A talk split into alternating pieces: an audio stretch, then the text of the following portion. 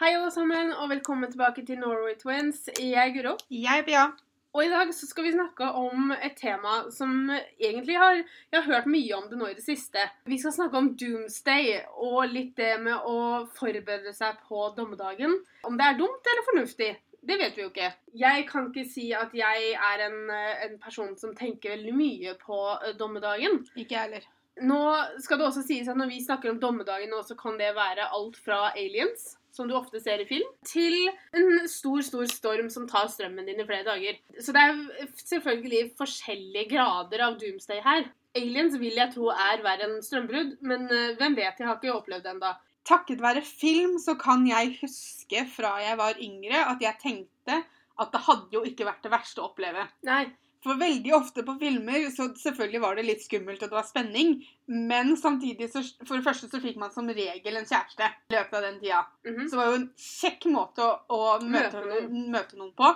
Som regel så gikk det så bra. Det var litt stress, og så ble det veldig stress på midten, og så Mhm. kom du ut av det på andre sida, og da gikk sola opp. Alt foregikk om kvelden. Ja. Og så når alt ga seg, så var det endelig dagen igjen. Det nærmeste jeg noen gang har kommet til å forberede meg på doomsday, eller dommedagen, var da det brant i mikroen min når jeg bodde i Dockville. Fordi jeg er livredd for brann, og det begynte å brenne i mikroen min mens jeg satt og så på Paradise Hotel, og det takla jeg svært dårlig. Se Eh, på Paradise Hotel. Eller ja, det òg, men, eh, men begge deler takla jeg equally dårlig, for å være helt ærlig. Og jeg sto da og så på denne mikroen som brant. Altså, Den sto jo ikke full fyr, men det kom røyk og litt flammer og sånn. Og så sto jeg og så på den, og så så jeg ut i stua, og så tenkte jeg jeg kan ikke ringe brannvesenet, fordi det er så rotete her. Logikk, folkens. Så jeg begynte da å helle vann på en mikro som ikke hadde dratt ut kontakta på engang. Igjen, logikk. Dra alltid ut kontakta. Men så fikk jeg jo sjokka det til slutt, da, og det gikk jo bra. Men etter det så ble jeg så redd, så jeg pakka en bag med det viktigste tinga. Det var altså et skift med undertøy. Det var noen klær jeg var litt glad i. Og så favorittkosebamsen min. Du pakka jo ned ting ikke som du skulle liksom hjelpe deg å overleve, men du pakka ned ting som du visste at du ville ha med deg ut, så ikke det brant opp. Hadde jeg måttet løpe ut med den bagen der, så hadde jeg klart meg fram til jeg kom til deg, liksom. Jeg hadde ikke klart meg flere dager i skauen med Lillehu og, og et par pysjer, liksom. Det tror jeg ikke. De på filmene de er jo aldri forberedt. Nei, men, men de de- klarer seg jo helt fint. De pakker veldig, veldig fort. Ja, ja. De Det, er superpakker. og så har de alltid flaks, for de har absolutt alt de trenger hjemme Mhm. hos seg. Sånn som jeg har ikke lommelykter og batterier i alle størrelser og fasonger. I hvert fall ikke samtidig. Enten så har du lommelyktene, eller så har man batteriene. ikke sant? Og så er du like langt. Eller eh, nok liksom hermetikk til å klare seg i dagevis, ikke sant. De har så flaks på film. Stort sett alle disse filmene vi har sett om det her, er jo fra USA. Ja. Og USA, der er mye på hermetikk. Det du har av hermetikk nå, er at du har et par sodd, og så har du noe à la Capri, og så har du tom hakka tomater. Tenk om du måtte ha overlevd på mais i ukevis. Altså, Da hadde jeg veiva inn alienene ganske fort og sagt vær så god, her er jeg.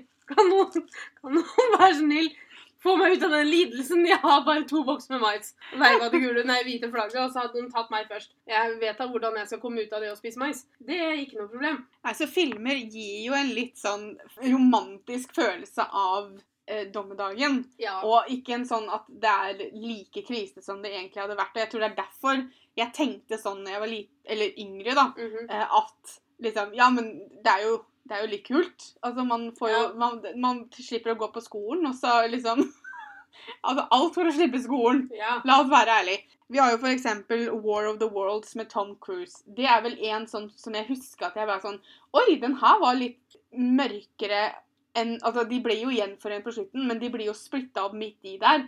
Og da ble jeg sånn Oi, skal han miste en av barna sine? Men så ja. hadde jo han klart å komme seg hjem, han. Det, det er jo ikke noe problem. Altså, det var jo aliens, da. Og da tenker man automatisk at mm, OK. Det blir så avstand på det fordi at Altså, jeg kan ikke sitte her og si at jeg tror på aliens. Nei. Så å se for seg en verden som blir tatt over av dem, er litt vanskelig.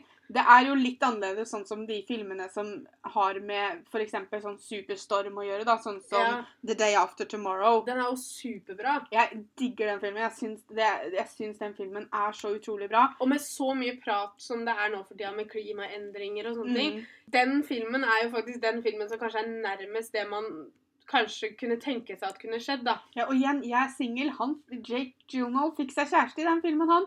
Goals, folkens. Blant alt kaoset så fant de kjærligheten. Ja, men der er det jo liksom været som er problemet. Det er liksom Ja. ikke noe aliens, det er ikke noe sånn utenfor som, Altså, det er været som er problemet. Du kan ikke gå utafor døra, for da fryser du til is innen sekunder. Mm. Er det noe på en måte man skal kanskje forberede seg for her i Norge, da, så er det jo det med vær. Det kan Mm. være snøstorm, det kan være eh, regnstorm, det kan være sånne type ting da, som gjør at du ikke kan gå ut av huset ditt på noen dager. Jeg tror nok at kanskje 99% av nordmenn hadde klart seg hjemme i tre-fire dager uten å måtte liksom, uten at det ble krise for et Altså, eller det annet. kommer jo f.eks. hvis strømmen går, da. Og det er jo det som også er veldig ofte tatt opp når det gjelder sånne ting, Ja. er hvis man mister strøm. Men er man hjemme, så har man alltid klær man kan pakke utapå seg og sånn. Ja, men det går ikke bare på det å fryse, men det går, er jo det hvis går du å mister klare vann. Ja, altså, du mister vann. Du mister eh, muligheten til å lage mat. Igjen, da kommer hermetikken inn, men da må du sitte og spise det Jo, kaldt. jo, men det er det jeg Eh, mener. men- at men de du- fleste har et eller annet Ja, og så går det på det å kontakt med omverdenen, for du mister Ja. telefon, du mister Ikke sant? Jeg tenker at Det verste for oss her i Norge kanskje blir jo det hvis man mister vannet. Ja. Fordi sånn som i USA, da, så drikker de ikke vann fra springen. Mm. Så mange har allerede vannflasker hjemme. Det er jo ikke normalt her i Norge. Her i Norge så drikker vi jo vann fra springen, så det er veldig få egentlig som har eh, vann i flaske hjemme nok til å klare seg lenge av gangen. da. Hvis ikke man er i vinteren da kan smelte snø, men da må man begynne med bål og sånn. Ja, da, ikke sant? Og der hadde jeg ikke klart meg bra, for jeg kan ikke tenne bål. Altså Hvis du har en fyrstikk, så går det jo fint. Har, har, har du noen gang sett meg tenne bål? Nei, men du har da aldri prøvd det, eller? Nei, noe? men altså, man, hele liksom, poenget er jo å prøve å ikke tenne på hele nabolaget, da. Jo, jo. Det skal du ikke gjøre. Men, men det er liksom sånn Men nå er det vel også det med gassbrenner og sånne ting er vel Hvis man er veldig sånn eh, Liker å gå turer og sånn, sånn som Petter, da. Som, Mm. eh, Han er jo veldig glad i det å gå tur ute sånn. sånn. Han har jo sånn stormkjøkken, som det Ikke heter. sant? Så hvis dette Hvis Doomsday kommer, så må jeg bare komme meg til dere. Ja. Med andre ord. Så tar vi vare på deg, Ja. Ja, men det er fint. Vi passer på deg. I 2010 så kom det en film i Australia som jeg og Pia var veldig, veldig glad i. Eh, Kanskje rart ord å si. Fan av. Fan av, kan vi kalle det, for det, det var ikke så mye glad. Den heter 'Tomorrow When the War Began'. Og det handla da om en vennegjeng som var på campingtur. Og så når de kom hjem fra campingturen, så hadde på en måte tredje verdenskrig brytet ut. Så alle familiene deres sånn var fjerna fra hjemma sine. Eh, Det var militære overalt. De var plutselig veldig, veldig alene. Ja. Og jeg vet det at hvis det her hadde vært en film jeg så når jeg var yngre på den tiden der jeg syntes det virka litt kult hvis det hadde skjedd, Mhm. så hadde jo ikke det her hjelpa det noe i det hele tatt. Fordi Nei. at de må liksom gå sammen som en vennegjeng og slåss og bes eller bestemme seg om- de vil kjempe tilbake eller bare rømme og gjemme Mhm. seg. Og igjen da så er det liksom den derre vennskapsgreia, og nå tar vennegjengen og vinner over Men det fikk man jo egentlig aldri se. Nei, for det er, det er en bokserie som jeg egentlig har veldig lyst til å lese. Det kom bare én film, noe som jeg syns var veldig synd, for jeg likte den filmen veldig godt. Ja. Kanskje også en situasjon som er mer reell for oss, da. Mm. Eh, tanken på en ny krig. Jeg sier ikke at det er liksom rett rundt hjørnet eh, når som helst. Men det er jo noe som kan skje mer Ja. enn at aliens kommer på besøk. Så det å forberede seg på sånne ting, ikke nødvendigvis besøk fra aliens, men det å forberede seg på krisesituasjoner, er ikke en dum ting å gjøre. Jeg skal si det at det er en mer skremmende tanke nå som jeg er voksen, faktisk, enn når jeg var barn. Man skulle liksom kanskje tro at det var skumlere når man var liten. Ja. Men nå som jeg har en større forståelse av verden og hvordan Mm. visse ting i verden fungerer, så er det faktisk en mer skremmende tanke fordi at det er mer virkelig. Ja, selvfølgelig. Man tenker jo innimellom på det. Altså, jeg tenker på det, men ikke i den forstand at jeg blir sånn OK, nå må jeg gå inn for å forberede meg på det. Jeg bør liksom passe på at jeg har det og det og det og det hjemme. Mm. Men at det er mer liksom det at, at man ser på nyhetene, man leser i avisa, man ser på nettet, og ser at visse steder så er dette en veldig, veldig stor virkelighet. Og at det kan like fort at nå så foregår det i andre steder i verden. Men det betyr ikke at Norge eller vår del av verden er immun mot det. Og det ser vi jo bare i historien vår. Man tenker litt annerledes på det når man blir voksen. Man skjønner virkeligheten av det. For når jeg var yngre, så ble jeg mer redd av aliens. Men Ja. som voksen så skjønner du at det kan du egentlig legge fra deg. Det er noe som er skumlere her i verden enn aliens, og det er faktisk mennesker. En siste film vi hadde lyst til å ta opp, for det var også en ny situasjon fra det vi har snakka om, er Deep Impact. En av favorittfilmene til meg og Pia når vi var yngre. Mm -hmm. Det var mest fordi at vi begge to hadde vel kanskje et ganske stort crush på en ung Elijah Wood. Ja. Så derfor så likte vi den filmen veldig godt. Der er det jo en komet som er på vei mot jorda, og og som gjør at folk må eh, rømme fra hjemma sine. Når jeg tenker på den, så tenker jeg liksom Fordi foreldra sendte jo da han av gårde til slutt med lillesøstera si fordi at de kom seg ikke noe sted, ikke sant. Og så er det det at det å sette ungene sine først I mange av disse filmene så er det også det der med at det er én som står og gavler og roper om at det kommer, det kommer, kommer. Mm. Du så bare på Bølgen, for eksempel. Ja, Bølgen er jo også et veldig fint eksempel, da. ja, og Bølgen, min, en av mine favorittfilmer, han sier jo det. Det kommer til å skje, det kommer til å skje. Det er ingen som tror på den, og så skjer det, og så er det liksom egentlig ganske for seint. Så det også er jo sånn i denne filmen. Det er alltid en scientist eller en eller annen fyr som har funnet ut et eller annet eller sett noe som gjør at man prøver å advare, og så er det ingen som hører på. Og så får man en sånn oppvekker plutselig om at å jo da, vi skulle kanskje ha varsla om dette 20 Det er så lett å være tidligere». etterpåklok. Ja. Og det er mange som er det i disse sånne type filmer som det her, da. Jeg tror det er en av favorittsjangerne mine når det gjelder film, Mhm. faktisk. Sånne katastrofefilmer, ja. Mm. Er det litt trist, kanskje? Men jeg liker sånne spenningsfilmer mer enn Skrekkfilmer og sånn, ja. skrekkfilmer og actionfilmer. Ja, nei, det er helt på, på sånn slåssing og sånn. Ja. Men jeg har jo spørsmål til deg. Ja. Hvordan tror du jeg hadde takla dommedagen? Vel, Eller verden etter dommedagen, eller hva vi skal kalle det. da. La meg se. Nå må ikke du bli fornærma, da. Nei, men jeg vet veldig godt hva du kommer til å si. Ja. Det første jeg måtte gjort, var at jeg måtte få gått og funnet Pia. Fordi hun hadde gjemt seg et eller annet sted. Om det var bak en stol, eller under sofaen, eller under senga, eller hvor det er. Så måtte jeg bare si Kom nå, Pia, nå må du komme fram, for nå vi, må vi forberede oss litt her. Kan ikke ligge her og, og grine. Du hadde nok vært en sånn person så hvis jeg hadde sagt at vi går til høyre, så hadde du gått til høyre. Absolutt. Uh, du er veldig en sånn Du er en, mer en følger, kanskje. Absolutt en følger. Um, du hadde også vært ganske sånn Hysterisk. La oss bruke det ordet. Det var et ganske godt ord. Ja, hysterisk. Og så pluss at jeg tror ikke du hadde klart å tenke veldig fornuftig eller logisk. Mhm, nei. Altså Hvis jeg hadde gått til deg og sagt at du skulle pakke tingene dine, så kanskje du hadde fått med deg tannbørsten din, liksom. Du hadde ikke tenkt på logiske ting. Ja, liksom. Som- Mac-en Ja. og telefonen og bamse. Ja, ikke sant? Altså Hva med varme klær og sånn? ikke sant? Så jeg måtte liksom gått etter deg kanskje og så sagt sånne ting. Jeg er ikke veldig kjekk å ha i krisesituasjoner. Det, sånn, det er jo, trenger jo ikke å prøve å legge skjul på det engang. Altså Du er kjekk å ha, men det må, du kan ikke være den som bestemmer. Nei. Du kan ikke ha styringa i en eh, krisesituasjon. Men du, veldig, du hjelper jo til hvis noen sier til deg når du er i den stressa situasjonen, da. Ja, Så lenge noen sier 'Pia, gjør det', da kan jeg gjøre det. Ja, ja. Jeg kan gjøre det litt i sånn tåke og øh, kan ikke huske at jeg har gjort det etterpå. Nei. Men jeg gjør det. Det går litt sånn automatikk i det. For da har Ja. noen gitt meg en beskjed, de har gitt meg en oppgave. Og det kan jeg få til. Men jeg hadde aldri klart å finne ut at, vet du, den oppgaven her må gjøres. Et eksempel da er at jeg og Pia kjørte et vennepar av oss til sykehuset når de skulle ha sønnen sin. Og så i bilen opp når vi skulle hente dem, så var fødselen eh, La oss kalle det godt i gang. For Pia ble helt bleik med en gang. ikke sant? Og så sier jeg til Pia Pia, når vi kommer opp nå, så er det veldig viktig at vi hjelper La oss kalle henne Camilla. Nå er det veldig viktig at vi hjelper Camilla. Fordi nå, er sikkert, nå har Camilla vondt, og hun er stressa kanskje, og hun er litt redd. Så nå må, vi, nå må vi puste dypt, og så må vi hjelpe Camilla. Hold oss rolig. Hold oss rolig, sa jeg. Eh, For jeg så liksom panikken i øya til Pia bare vokste. Og så kommer vi opp, da, og så møter da Camilla og mannen hennes eh, oss utafor huset sitt. Og så sier jeg til Pia OK, pust dypt nå. Nå tar vi en siste pust før vi går ut av bilen, for det her kommer til å gå kjempefint. Vi går ut av bilen, og Pia styrter rett bort til mannen hennes, for hun skal hjelpe henne å bære. Og så ble jeg sånn OK, nå løp du rett forbi hun som faktisk skal føde. Men OK. Så jeg gikk da til henne og skulle hjelpe henne. Mens Pia var sånn 'Å, se, jeg hjelper!' ikke sant? Jeg bærer en bag. Um, så det er liksom sånn Man må være veldig nøyaktig da, i hva man skal si. fordi at ellers så Altså, Jeg går inn i krisemodus. Da klarer jeg ikke å se så mye annet, holdt jeg på å si. Nei.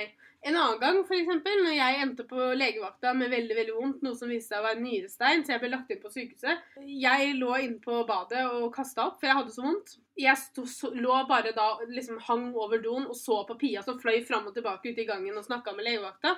Så jeg hørte bare sånn annethvert ord hun sa, for da fløy hun forbi baderomsdøra.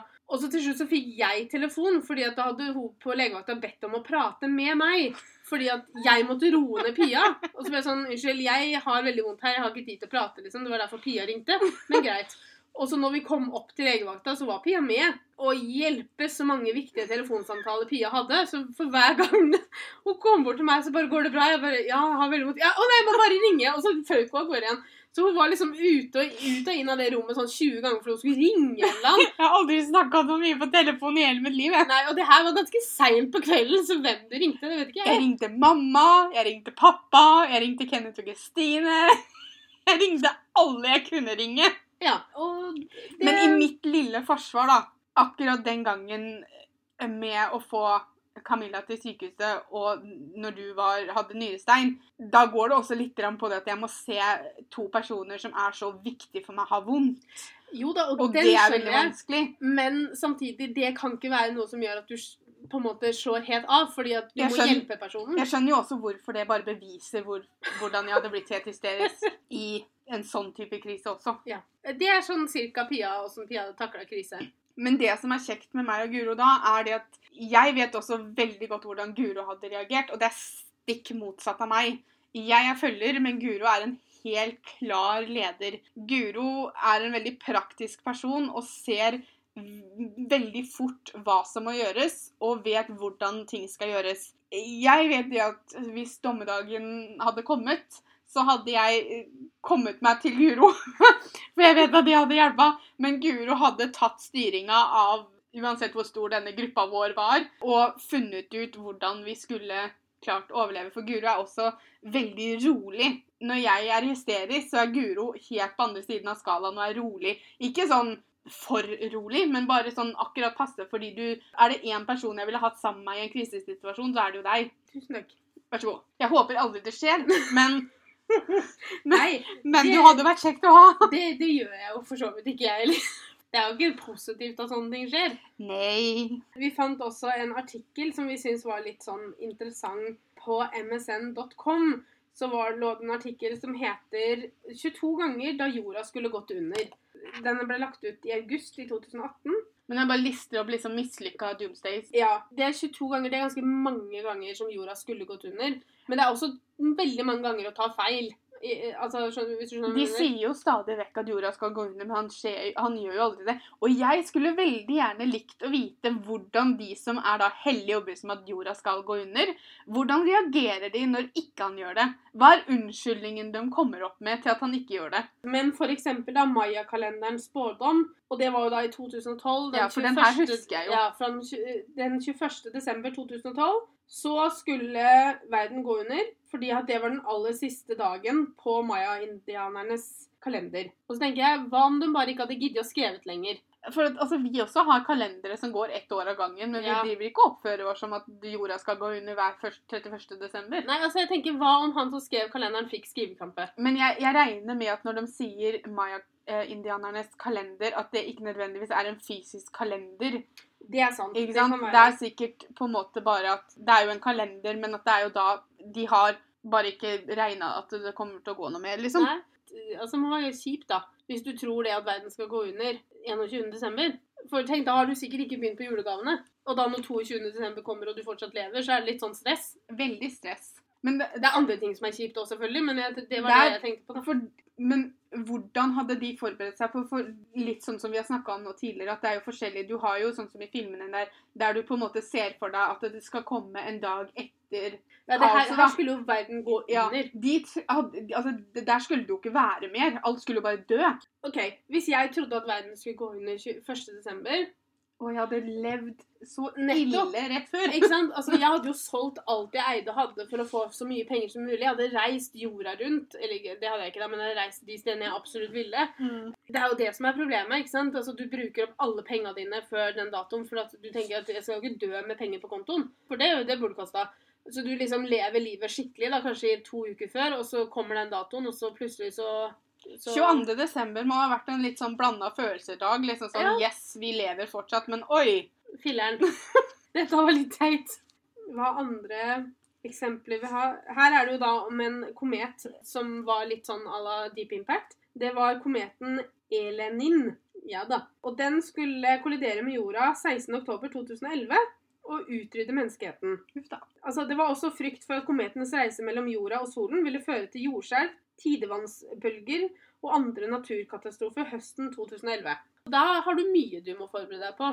Da har du, må du forberede deg på tida før, hvor det blir masse dumme ting som skjer. Og så skal du bli utrydda da, i oktober. Ja, for det vet jeg. Det er jo veldig mange sånne teorier om når det er veldig eh, ille med jordskjelv forskjellige steder, eller Mhm. disse naturkatastrofene, da. Så, så er det jo veldig mange som mener at det er et tegn på slutten. Og så her da, så har du liksom Pat Robertsons spådom. En amerikansk mediemogul og profilert baptisten Pat Robertson spådde i 1976 at verden kom til å gå under i oktober eller november 1982. Så her var han ikke helt sikker, da. Men han gikk da tydeligvis ut i media og sa unnskyld meg, men Sånn cirka! en av de to gangene så kommer jorda til å gå under. Og så tenker jeg, altså Hvis ikke du har en spesifikk dato, så må det også være kjipt. Hva får han til å komme fram til det, da? Tja. Den vi kanskje husker best, som ikke nødvendigvis var det at jorda skulle gå under, og så pang, så var alt borte. Men der, 2000. ja, der Ja. gikk det jo igjen på teknologien, da. Ja. Når man tenker at ting skal skje med teknologien, så har du filmene om ja, sånn som ja, Transformers, og alt begynner å tenke sjøl, og det er ikke måte på, ikke sant? Men da var det jo det at all teknologi skulle Ja, kaputt. Altså, den folk- ferdig. Folk tok jo ut masse penger før nyttårsaften fordi at minibankene liksom skulle slutte å funke. Ja, men har- forestill deg, da, hvis all teknologi skulle slutte å funke. Jo, altså det, det hadde vært ikke sant? det er jo ingenting som hadde fungert. Vi Nei, hadde, jo altså- ikke, vi hadde jo ikke hatt noe. Og vi har jo på en måte kommet mye lenger i dag enn vi hadde i 2000, og i 2000 så hadde det fortsatt vært ille. Og jeg var sånn, jeg, regnet, altså jeg trodde ikke at det kom til å skje noe. Nei, men jeg Men husker samtidig- veldig godt at jeg satt på nyttårsaften og var sånn Hei! Ja, ikke sant? Fordi så fort klokka ble tolv på nyttårsaften, så sjekka jo alle telefonen sin Ja. om man fortsatt hadde dekning og sånne ting. Ting er, Man trenger ikke alltid å tro på det, men det er veldig greit å bare dobbeltsjekke at det ikke har skjedd. Ja, ikke sant? Det er jo det. Du vil ikke være den idioten som står og hyler og skriker 'nei, det kommer ikke til å skje', og så Også... ett minutt over midnatt så bare 'oi, det skjedde likevel'. ja, ikke sant? Så du vil man jo ikke være noen av dem, på en måte. Man skal være skeptisk med et hint av forberedelser likevel. Mm. Og så kan man gjøre det inni seg. Vær skeptisk veldig høylytt inni deg, og så, så utad så er du sånn Ja, uff, det kan skje, uff, nå, nå må vi ta ut pengene våre og sånn. Her har vi da en eh, Harold Camping, og hans profesi var at verden kom til å gå under 21. mai 2011. Og når det ikke skjedde, Så har du da han andre. så bytta han dato til 21. oktober. Da bare flytta verdens ende seg litt. 21. oktober, var ikke det samme som han andre som vi hadde i stad, da? Nei, det var 16. oktober. Oh, ja, okay. Så han hadde jo da Så om å gjøre å komme først her, altså. Ja. Når ting ikke skjer som du har sagt, så bytter du dato bare. Du bare forskyver det litt. Ja, og det er det jeg mente med i stad, men hva gjør de når det ikke Som om det er liksom en, en middag med venner, liksom. Ja, at disse menneskene som tror så helhjerta på det, eller som da er de som spår at det skal skje. Jeg liker her at det står 'Heller ikke da klaffet den for de kristne radioverten'. Det var sånn, Gikk ikke under da heller, gitt.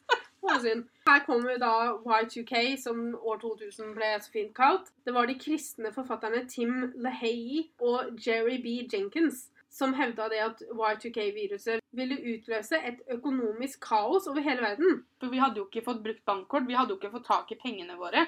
Men det var jo dette viruset da som antikrist skulle bruke til å overta makten. Så det var liksom ikke nødvendigvis det at teknologien skulle gå utover. Det var jo flere som skulle ta over, tydeligvis. Men da kalenderen viste 1.1.2000, så hadde man bestemt seg. Da var det ikke sånn likevel. Oi, så jeg ler, men det blir, det blir litt rart. Så da må vi altså tenke på forberedelsene da, til Ja. dommedagen. Hermetikk er jo en stor ting. Vi har vært litt inne på det. Guros største mareritt er jo da eh, maisen. Ta meg, for eksempel, da, som ikke har stormkjøkken. Jeg hadde da vært avhengig av hermetikk jeg ikke hadde trengt å varme opp. Ja. Nå kommer jeg ganske langt med en boks med mais, da, for jeg syns det er veldig godt. Så jeg hadde klart meg på mais. Men du har jo andre ting som også ikke trenger å varmes opp. Jeg hadde klart å spise en boks à la Capri kald, hvis det var det jeg hadde å spise. Joikakaker derimot. Ja, men joikakaker er ikke vondt, eller er ikke godt både varmt eller kaldt. Joikakaker er jo det største marerittet når det er varmt. Og hvis jeg skulle spist det kaldt, så jeg, kan jeg bare forestille meg hva det hadde smakt. Du har sopp, Ja, sopp har jeg. tunfisk Tunfisk. det hadde vært mammas drøm. Fiskeboller! Fiskeboller kan jeg spise Altså, kaldt. en gang i uka må man ha fisk. Ja, Og da, i dag så ble det kalde fiskeboller. Ja. Eller så har du da tunfisk som du kan ta Ja. en annen gang. Mammas drøm. Mamma elsker jo tunfisk-wrap -hmm. med en sånn tunfiskrør som vi lager. Den har majones i seg. Det er litt vanskeligere igjen. Jo, men hvis ikke du har strøm og det er vinteren, så blir det kaldt nok. Ja da, men hvis dette skjer om sommeren, Ja, så måtte vi styrt unna majonesen. Da kunne man f.eks. hvis man fortsatt har vann, så kan man legge sånne ting i kaldt vann for å kjøle den ned. Men problemet er da liksom hvor lenge har man vann, så kan man sløse bort vannet med å eh, holde majonesen kald. Nei, det ville jeg jo ikke gjort. Se, jeg klarer å være logisk før krisa inntreffer, da. Jeg bare glemmer alt når det kommer. Ja, For når krisa inntreffer, da hadde hun bare tatt med seg majones. På lifehacker.com så fant jeg en eh, liste som jeg syns passa for meg og Pia. For det var Doomsday Prep for non-paranoid people. Og der er jo vi. Ja. Vi finnes jo egentlig ikke paranoide når det gjelder dommedagen. Altså, jeg vil kalle meg selv fornuftig. Jeg sitter ikke her og er hellig overbevist om at det kommer til å skje. Men jeg skal heller ikke sitte og si at det absolutt ikke skjer, for at Nei. da føler jeg meg ikke så dum når det skjer. Altså, jeg, Men jeg forbereder meg heller ikke da. Hun skriver da om forskjellige ting som det kan være greit å ha allikevel. Man skal aldri kimse av det å være forberedt på noe som kan skje. Det gjelder jo bare det at du kan bli syk. Ikke sant? Og er du singel og bor alene, så er det ikke alltid man kommer seg i butikken hvis man ligger hjemme med omgangssyke. For det har du ikke lyst til å dra med deg i butikken. Eller bare hvis det faktisk strømmen skulle gå, da.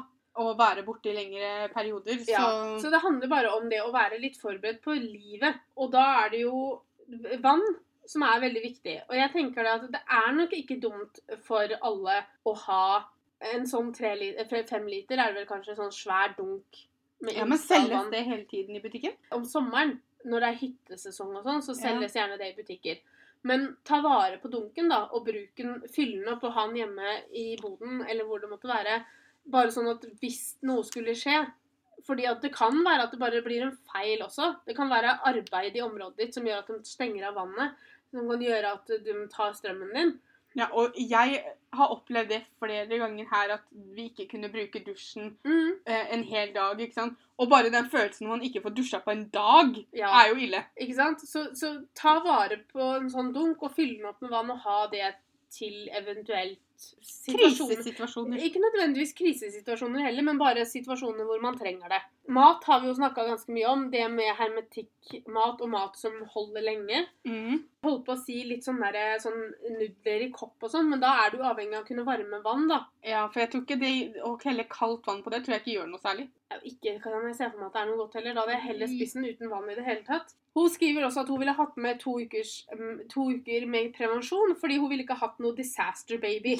Jeg skal vel kanskje innrømme at det siste jeg hadde tenkt på hvis det var sånne ting som skjedde, er kanskje sex, men eh, hvem, man vet aldri. Man kan komme opp i stemningen når som helst, kanskje. En fløyte, fordi hun sier at det er jo aldri planen å bli begravd under eh, ting og tang som kanskje raser ned, eller snø som kommer, eller noe sånt noe. Sånn som Rose i Titanic, for eksempel. Hadde ikke hun hatt den fløyta som hun stjal fra den duppepersonen som lå og fløt, så, så hadde jo ikke båten snudd etter henne. Så det kan være greit bare for å gi signaler på hvor du er. Førstehjelp-ting. Det er jo veldig, veldig viktig. Ja, altså jeg har tre førstehjelpsskrin bare i bilen. Ikke sant? Igjen, hvorfor jeg hadde dratt til Guro. Plaster er viktig, tenker jeg. Jeg ville vel heller sagt bandasjer. Jo, men det finnes sånn jo i alkohol Ikke alkohol, selvfølgelig, men sånn som du kan rense sår med så ikke det blir infeksjoner. Sårvask. Takk. Jo, jo, men det fins jo Nål og også. tråd. Jeg hadde ikke Det så vi på Lost. De Kanskje jeg hadde sydde med sydd. vanlig sytråd.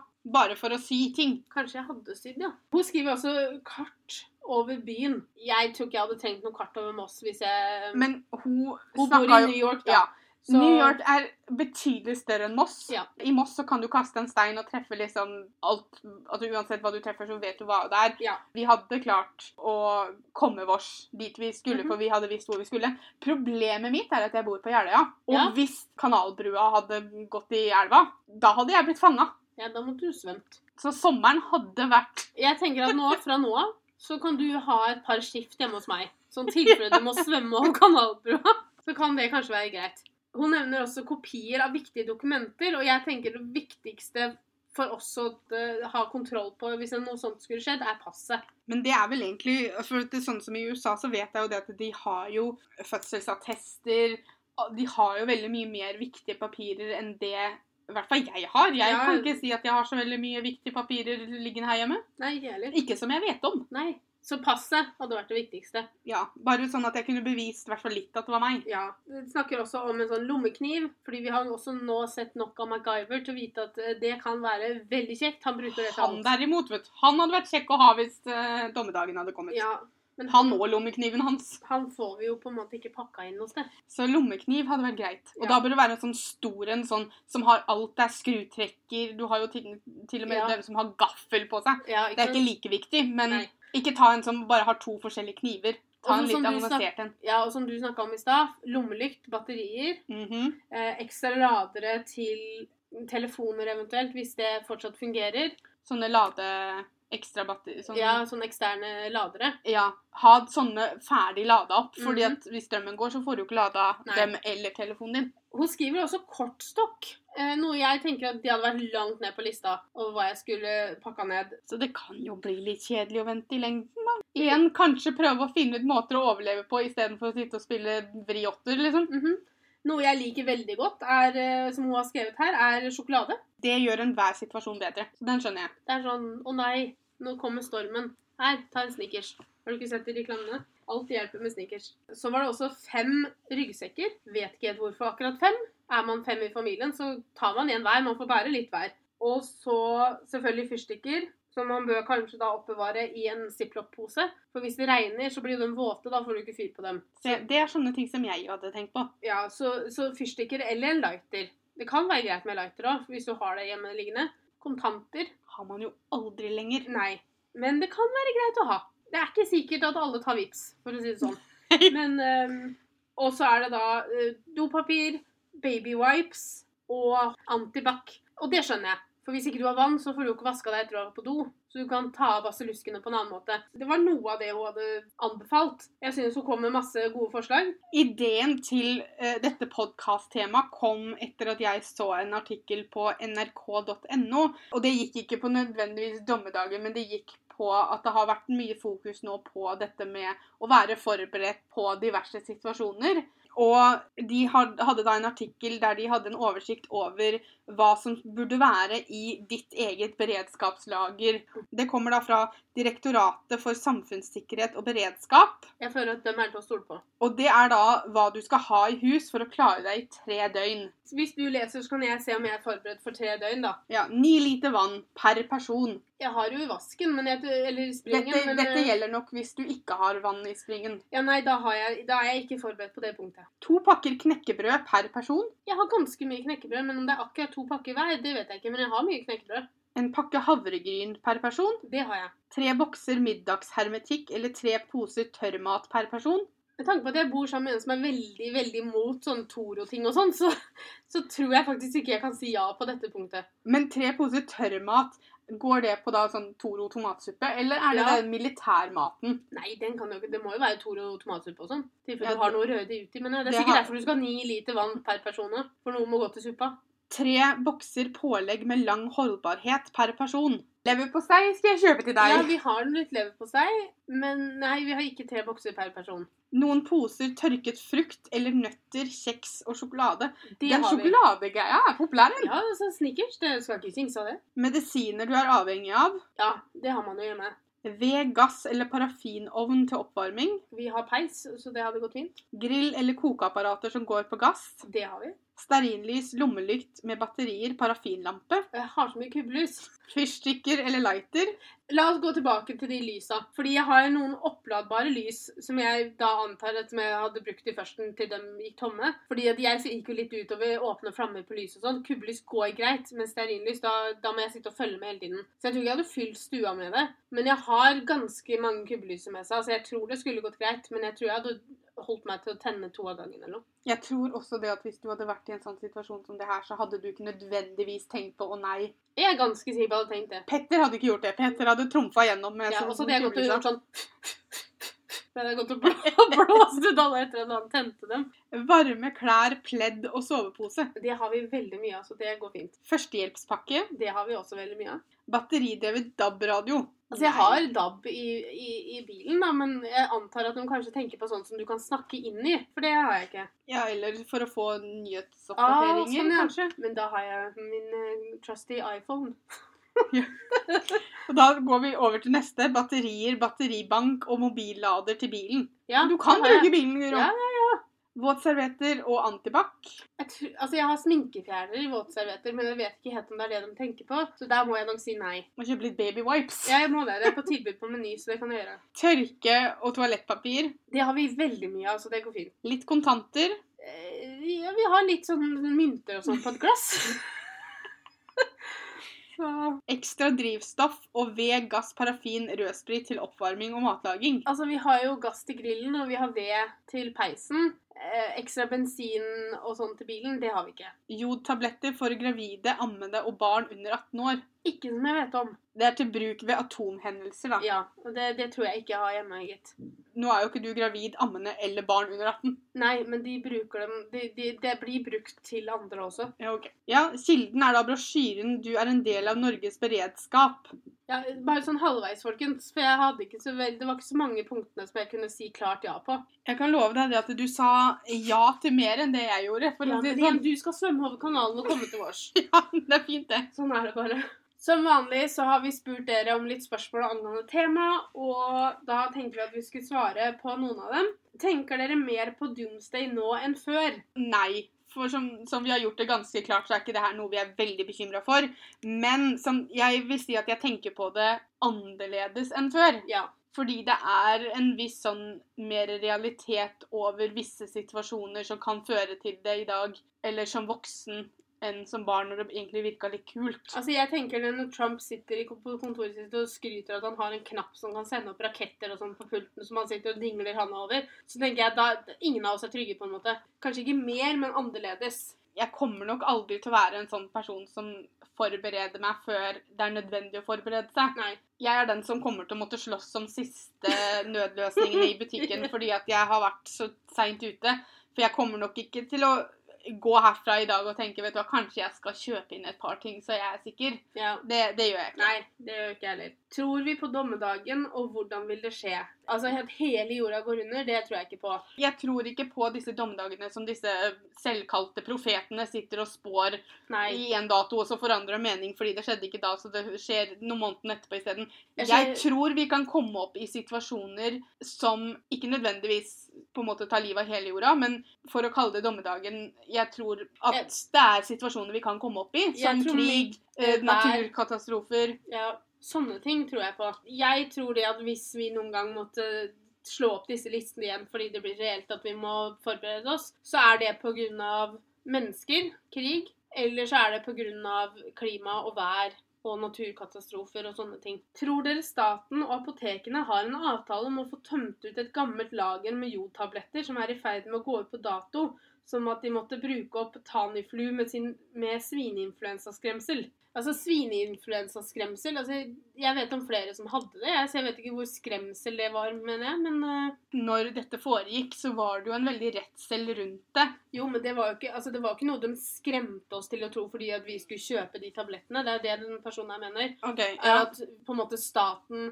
legger ut en sånn 'Å, nå kommer svineinfluensa. Gå og kjøp Taniflu, for da, blir du, da slipper du det.' ikke sant? Mm. Og så gjør folk det, fordi at pillene går snart ut på dato istedenfor å kaste dem. Så kjøper da folk dem, ikke sant? Ja, ok, sånn så det Ja, mm. og det er det de mener nå, at om vi tror det at staten kommer til å ha en sånn plan om jodtabletter, at de da kommer til å begynne å skremme oss angående atomkriger og sånne ting, da, for at vi skal liksom være forberedt på det. Nei, det tror jeg ikke. Nei, det tror ikke jeg heller. For jeg tror ikke svineinfluensaskremsel var noe heller. Nei, akkurat den der må du lenge inn i jungelen med, som det heter. Hvor forberedt er dere? Svært, svært lite. Som dere har skjønt nå på de siste 40 minuttene, eller hva vi har prata, Ja. så, så vil, jeg, vil jeg vel tro at dere er ganske klare over at vi er lite forberedt. Vi er dårlig forberedt. Tanken er der. Vi har jo fått noe å tenke på, men jeg tror jeg kommer til å være like dårlig forberedt neste uke. Ja. Er det å være forberedt på at noe skal skje, noe dere har tenkt på? Nei. Nei. Jeg tror det er litt av det samme, at hvis du hadde tenkt på det, så er du jo litt forberedt. Ja. Hadde jeg tenkt på det, så hadde jeg kanskje tatt med meg en ekstra boks med alacapri når jeg var i butikken. ikke sant? Fordi at den kan være på kriselageret. Jeg liker å tro det at hvis jeg ser bevis i nyhetene eller på nettet eller Altså, ikke, man skal ikke stole på alt man leser på nettet, Jo. men hvis situasjonen blir sånn at man merker at oi, dette går én vei, Mm. så liker jeg å tro det at jeg hadde klart å på en måte ta meg sammen nok til å kanskje forberede meg litt. Grann. Ja. Men jeg gidder ikke å forberede meg nå, tilfelle det skjer noe om fem år. Én ting er sikkert, at hvis dommedagen kommer, så har jeg nok aluminiumsfolie til å lage sånne aluminiumshatter til hele familien. For det har jeg hamstra på Dollar Store og sånn. Ikke nok- nødvendigvis på grunn av dette, vel? Nei, nei. Men jeg bare har veldig mye av det hjemme. Jeg har også nok bakepapir. Ja, men så kjekt, da. Så, så til og med sånn som vi slipper å kutte selv, da. Ja, For å gjøre det enkelt og For sakser er det ikke sikkert det Nei. Det har jeg ikke sikkert. Tenk om alle saksene forsvinner. Og jeg har også eh, nok dopapir. Jeg har veldig mye sjampo og dusjsåpe. Vet For da, det kan være at vi må dusje i vannsjø, liksom. Ja, men herregud, det har vi jo klart. Det er vel den eneste forberedelsen. Og jeg ikke spør meg hvorfor det kom opp, men vi var ute og gikk tur i sommer Eller det var vel i våres en gang, sammen med noen venner av oss. Og da gikk vi litt sånn inn i skauen ved Vansjø, og det var litt sånn øde steder og sånn, og da ble, fant vi et sted som vi blei enige om, at hvis det noen gang ble en dommedag, og det kom krig til Moss, eller et eller annet skulle skje, så var det der vi skulle møtes. Ja. Jeg husker ikke hvor det er, jeg. Det er der vi bader. OK, da Mhm. husker jeg det. For Der det- vi bader, er så åpen som det kan bli, da. Det var ikke helt der vi bader, men det var rett før vi Det var jo på veien til der vi bader. Jeg tviler på at hvis, hvis det er det at det blir krig, f.eks., så kommer ikke de gjennom vannsjø. Da kommer de eh, i saltvannet, holdt jeg på å si. Så det gjør ikke noe om det er litt åpent. Nei, jeg, jeg tror vi hadde hatt det fint der, jeg. Men Ja. det er i hvert fall der vi har blitt enige om å møtes, om vi beveger oss videre. Så der skal vi bygge og bo, kanskje. Der skal vi bygge og bo. Vel, Gro, føler du er uh, doomsday-forberedelser dumt eller fornuftig? Jeg tror at det kan være fornuftig til en viss grad. Jeg Man tror, trenger jo ikke å gå overboard. man trenger ikke å ha en bunker i kjelleren full av stæsj enda. Det kan Ikke være- før situasjonen tilsier det, i hvert fall. Nei, Så det er aldri dumt å være forberedt, det vil jeg jo si. Det er absolutt fornuftig å være forberedt med visse ting, sånn som f.eks. hvis det skulle blitt strømbud, Denne Ja. med disse tre dagers Uh, pass på å ha lommelykt og batterier. Stormkjøkken er ikke dumt.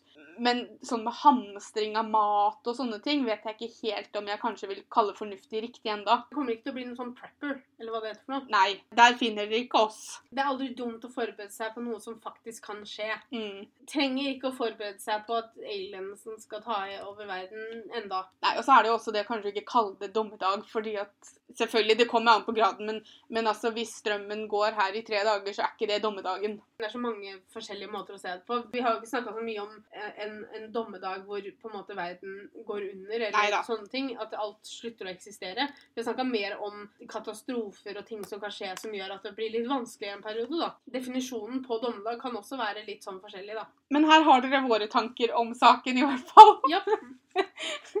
Veldig mye fornuftig. ja. Og noe ikke så fornuftig, kanskje. Sånn er det bare. Vi håper dere har likt denne podkast-episoden. Tusen takk for at dere hørte på. Kom tilbake neste søndag, for da kommer det en ny episode. Og så snakkes vi da. Gjør vi?